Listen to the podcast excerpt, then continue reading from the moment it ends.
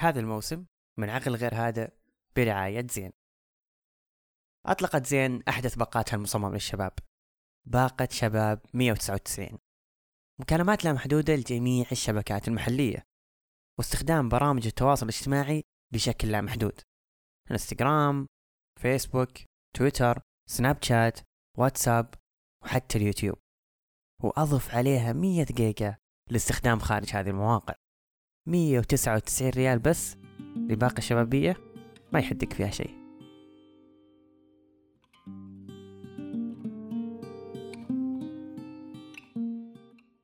أهلا. أهلا بعد كل الخسائر الكبيرة المتراكمة في قلبي وروحي بشكل خاص. لوحت لي سنتي اللطيفة في بداياتها أعظم تلويحة. أعظم تلويحة تبدأ فيها حربها. حيث تشتد حروبي عاما بعد عام. كل حرب بشكل جديد ولكنه يشبه ما قبله في نقطة ما.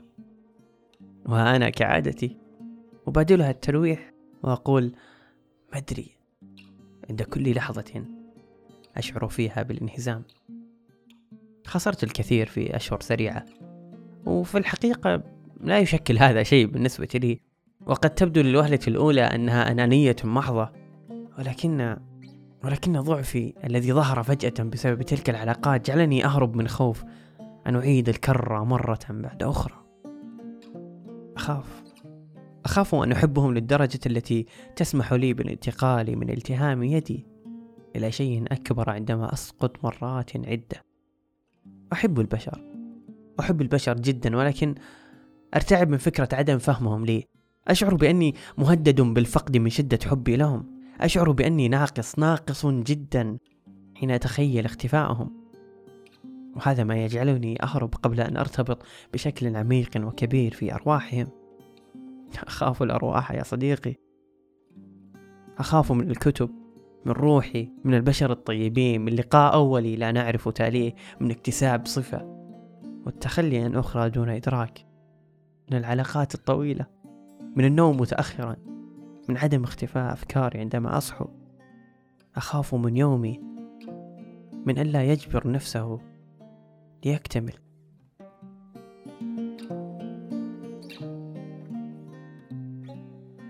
We all do this in life. We all do it in life. And in fact, there's nothing wrong with this. It makes us comfortable to be around people who are similar. The problem is when we're on a precipice, right? When we're in trouble, when we need new ideas, when we need new uh, jobs, when we need new resources. This is when we really pay a price for living in a clique.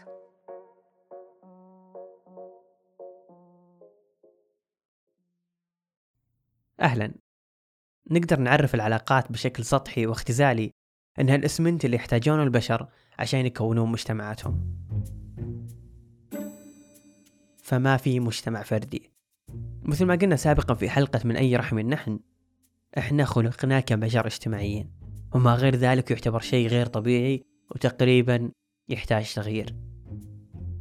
قرأت مرة أن سبب تسمية البشر بإنسان يعود للأنس لأن الإنسان يأنس بما حوله من أهل وأصحاب ومجتمع وخلق عشان يعيش في جماعات. لذلك صعب يعيش بمعزل تام عن الآخرين. وفي هذا أذى له أكبر من منافع. ما أتذكر صدق مصدر المعلومة بس أحسها مقنع شوي.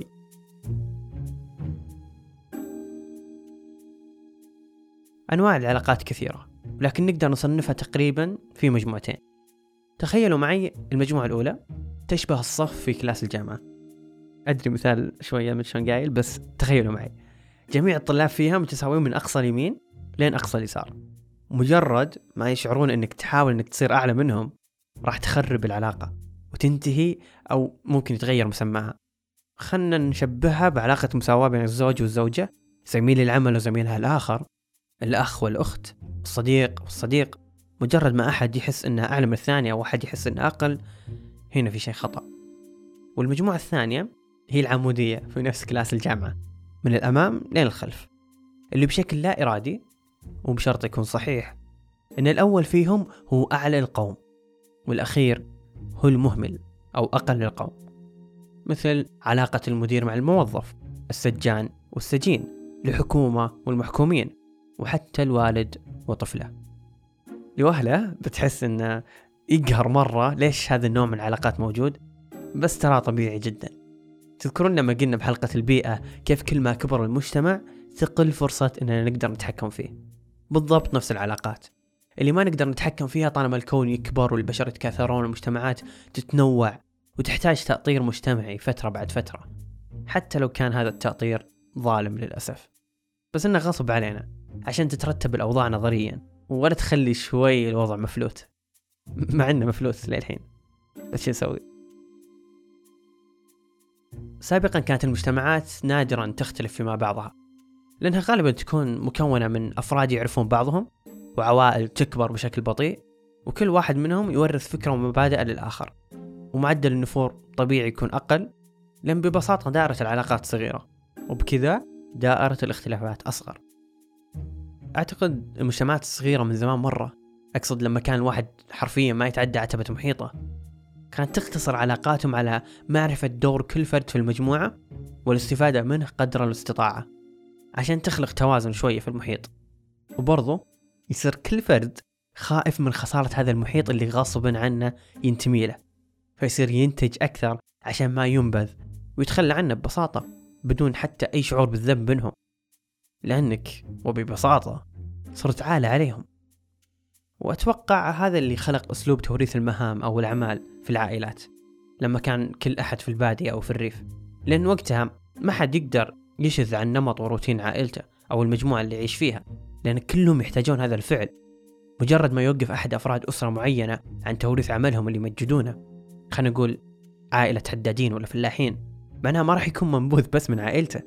لكن المجتمع اللي حوله كامل لأنه قفل عليهم خلنا نسميه الأسلوب التدويري في الاستفادة من خدمات كل فرد وهذا اللي يدخلنا التساؤل. هل كانت حياتهم حقيقة معقدة رغم بساطتها وتعتمد على المنفعة فقط؟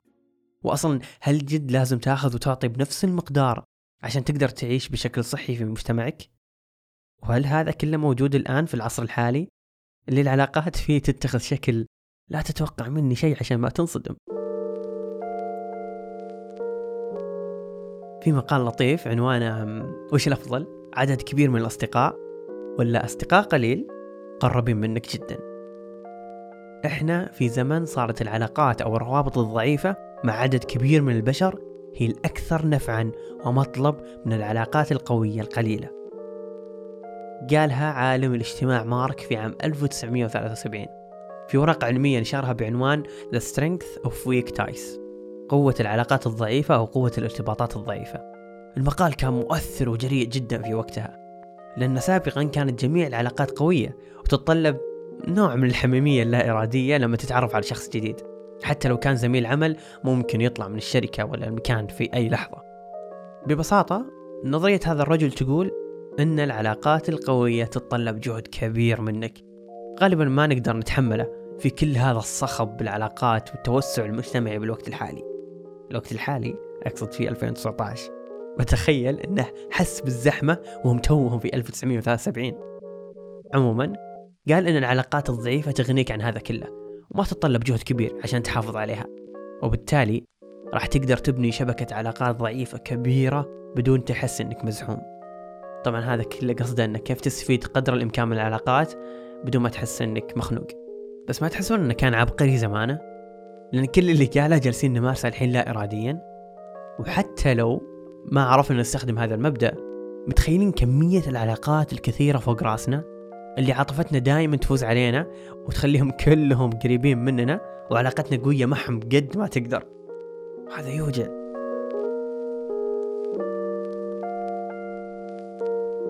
وعلى طار العلاقات الكثيرة بس الغير مقربة خلينا نسمع هذا المقتطف من حلقة سابقة انتجناها بعنوان من أي رحم نحن.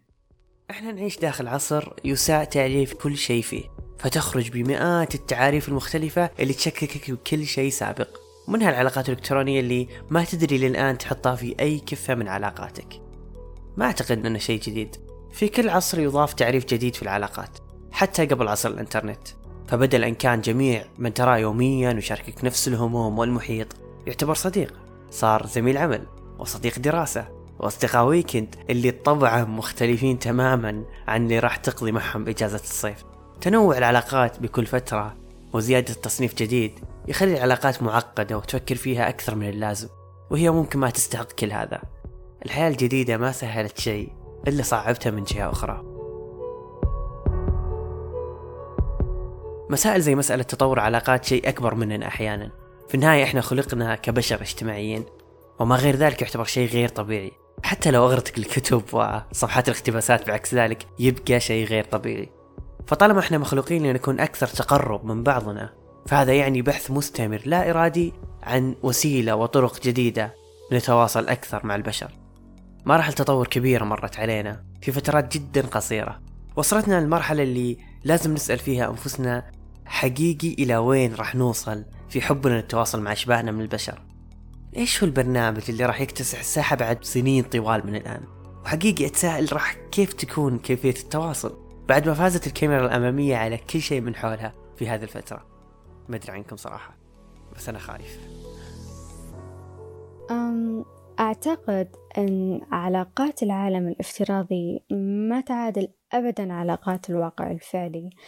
أم العلاقات في هذه عبير الغامدي خريجة علم نفس كلينيكي من جامعة الأميرة نورة. وقد ساعدتنا سابقا بحلقة ما قد دخلت بحرب اللي تكلمت عن التنمر. سألناها الحين بكل بساطة. وش جالس يصير؟ هل العلاقات الافتراضية قربة مشقوقة؟ وهل رغم كل علاقاتنا الاجتماعية الافتراضية الكبيرة جدا وحيدين؟ العلاقات في العالم الحقيقي أو الواقعي تتضمن وجودك الجسدي مع أصدقائك أو أي أحد آه وبنظري هذا أهم وصحي أكثر من وجودك الروحاني فقط بالعالم الافتراضي آه طبعا للتوضيح يا أصحاب أنا مو ضد علاقات الواقع الافتراضي أبدا ولكن أنا ضد جعلها أكثر أهمية من علاقات الواقع. شفتوا لما نقول إذا الشيء زاد عن حده ينقلب ضده؟ خلونا ليواهلا نطبق هذا المثل على موضوعنا. يعني ما في أي إشكالية يكون عندك علاقات في الواقع الافتراضي أبدا. وأشوف أساسا أن الكثير منها مهم وخاصة مع الناس اللي ما نقدر نوصل لهم بسهولة في العالم الفعلي. ولكن أننا نقلب الموازين وتصير غالبية علاقاتنا في العالم الافتراضي وقليل منها جدا في العالم الفعلي فهنا راح يصير فيه ضرر. آه ممكن نصير أكثر انعزالا ممكن نستثقل الجمعات والطلعات أو حتى ممكن تتأثر علاقاتنا مع أصدقائنا في العالم الواقعي طبعا. هذا غير أن محادثات العالم الافتراضي ما راح تعلمك كيفية التواصل أو التواصل الفعال في العالم الواقعي واللي بدوره ممكن يأثر كثيرا على تواصلنا مع البشر سواء في الحاضر أو المستقبل وفي أي زمان ومكان. بودي أشارك معكم مقطع من دراسة. يمكن البعض منكم سمع بهذه الدراسة وهي من ضمن أطول الدراسات التي حصلت. find that they are less happy, their health declines earlier in midlife, their brain functioning declines sooner, and they live shorter lives than people who are not lonely. And the sad fact is that at any given time, more than one in five Americans will report that they're lonely.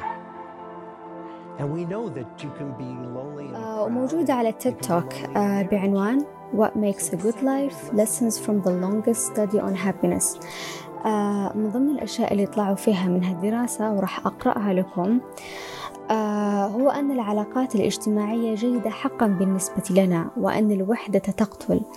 آه اتضح أن الأشخاص الأكثر ارتباطا اجتماعيا وركزوا معي اجتماعيا بالعائلة والأصدقاء والمجتمع أكثر سعادة وأنهم أكثر صحة جسدية وأنهم أيضا يعيشون لفترة أطول من الأشخاص الذين هم أقل ارتباطا بمن حولهم. آه وتبين أن تجربة الشعور بالوحدة سامة. اتضح أيضا أن الأشخاص الأكثر عزلة أنهم أقل سعادة من غيرهم وأن صحتهم تتراجع في وقت مبكر من منتصف العمر وأن وظائف أدمغتهم تتراجع ويعيشون حياة أقصر من الأشخاص الغير وحيدين. أه ضروري نعيد النظر في علاقاتنا ونشوف وين الكفة الثقيلة. هل هي في العالم الافتراضي أم في العالم الحقيقي؟ أه ضروري نرجع الموازين. أه طبعا أنا أعرف وأتفهم أن الكثير ممكن يفكر ويقول طيب علاقات الواقع الحقيقي صعبة. مقارنة بعلاقات العالم الافتراضي علاقات العالم الافتراضي سهلة. آه بس يمكن يمكن العالم الافتراضي سهل التواصل فقط لا غير لأن التواصل الافتراضي يعطيك مساحة راحة أكبر في التواصل. فخلونا نعيد النظر ونعطي علاقاتنا في الواقع الحقيقي قيمة وأهمية أكبر.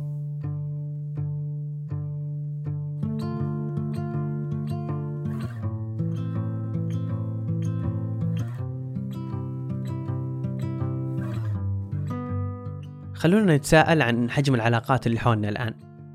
هل كلها جيدة؟ غالبا هذا المحور ما يتكلم عن علاقاتك السطحية. نتكلم هنا عن علاقاتك الحقيقية. أصدقائك المقربين أفراد أسرتك. لأن كل ما زاد القرب نسبة الأذى غالبا تزيد. العلاقات السامة والمؤذية قد تكون علاقات جيدة قوية وسعيدة في ظاهرها. وهذا الشيء الغريب اللي يخلي سميتها أقوى. كل ما ازداد اتكاء المرء على الأكتاف ازداد ألم سقوطه.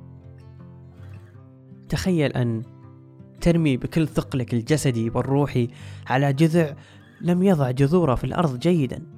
جذع يعيش على التنقل لم يوجد هنا ليسندك أصلا لكنك تتكئ. وفي لحظة ما يقرر هذا الجذع تغيير أرضه على حين غفلة منك. فتسقط. جسدك الضعيف يا صديقي تهشم. عظامك غدت حطاما. تتألم بشدة تبكي بصوت عالي تبحث عن من يساعدك خلال بكائك.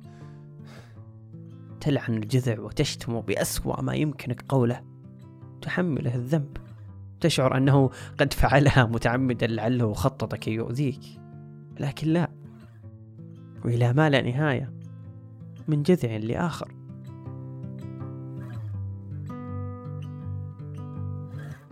نحاول وبطرق غبية جدا. نسد النقص اللي نحسه بداخلنا بعلاقات كثيرة. نسعى لأنها تكون قوية جدا. قوية لدرجة أنهم يصيرون كل شيء في عالمنا عشان ننشغل بهالتهم العظيمة اللي تنتشر حولنا وننسى نقصنا. ونسعى وراء كمالهم.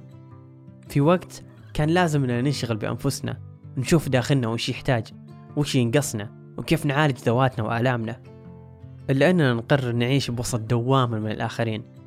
أشخاص وعلاقات كثيرة واستناد دائم يؤدي بدورة لسقوط متكرر وإصابات لا تشفى. وربما تفقدك إحدى هذه الإصابات قدرتك على الحياة مرة أخرى. يمكن ما تقتلك فيزيائيا لكن ضررك الداخلي يقدر يمنعك تعيش رغم تواجدك الجسدي الكامل معنا ببساطة ميت بالداخل. ولأن مو بس الأصدقاء خارجين من دائرة السمية. آسف بس أنا مضطر أحذر بصوت عالي من علاقتك مع أسرتك. قد تكون بسبب قوتها ومتانتها وحجم اتكائك واستنادك عليهم وحتى قدسيتها هي أقوى من كل علاقة سامة أخرى. برضو استبداد الأسرة للأبناء من ناحية فرض أوامر تفرض عليهم حصار نفسي. هذا يجبرهم ينعزلون يكتئبون وبعد ممكن يصنع ردة فعل عكسية ما ينعرف تاليها. إما خوف من البشر أو اندفاع قوي لهم وهذا خطر جدا بس عشان يحسون بالتعويض. ما نقدر نقول على علاقات الأهل السيئة بأنها سامة بشكل تام لأن بالنهاية الملجأ والخلاص منهم وفيهم. أدري إننا جالسين بالحياد بس أسفين. لو عرف كل فرد كيف يتعامل مع شخصيات أسرته وعرف كيف يتأقلم مع حياته راح تقل نسبة الفشل الذريع الناتج عن هذا الاستبداد. ولنفترض أن كل أسرة أنتجت شخص معنف راح تزيد نسبة الأشخاص اللي يعانون من خلل نفسي ويؤثر بكذا على المجتمع بشكل عام وتهتز فيه العلاقات بشكل غير مباشر. لأن طبيعي كلنا نعرف أن صلاح كل أسرة من صلاح المجتمع.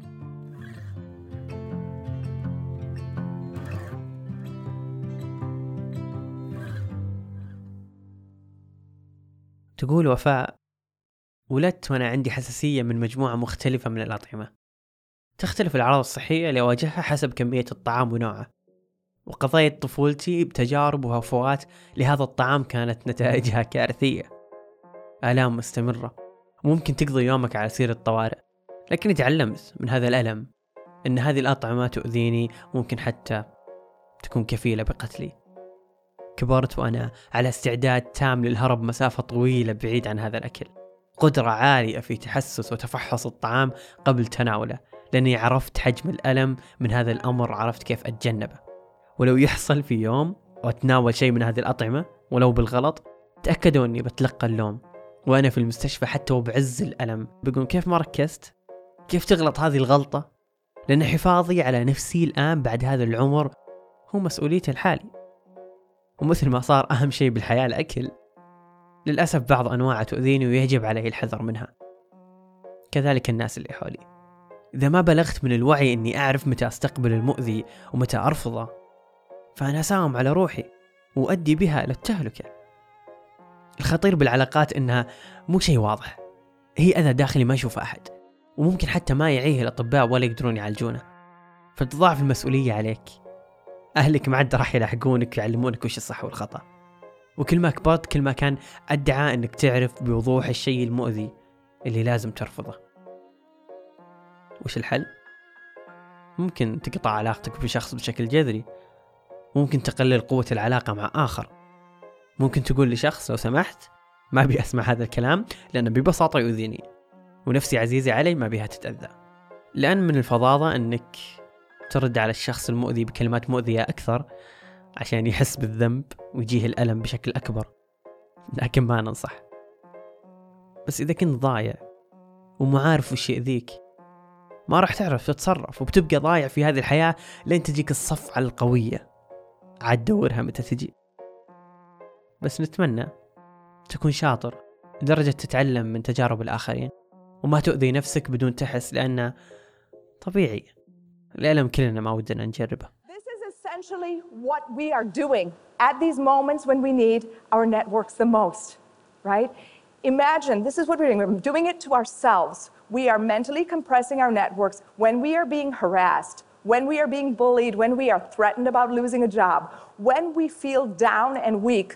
We are closing ourselves off, isolating ourselves, creating a blind spot where we actually don't see our resources, we don't see our allies, we don't see our opportunities.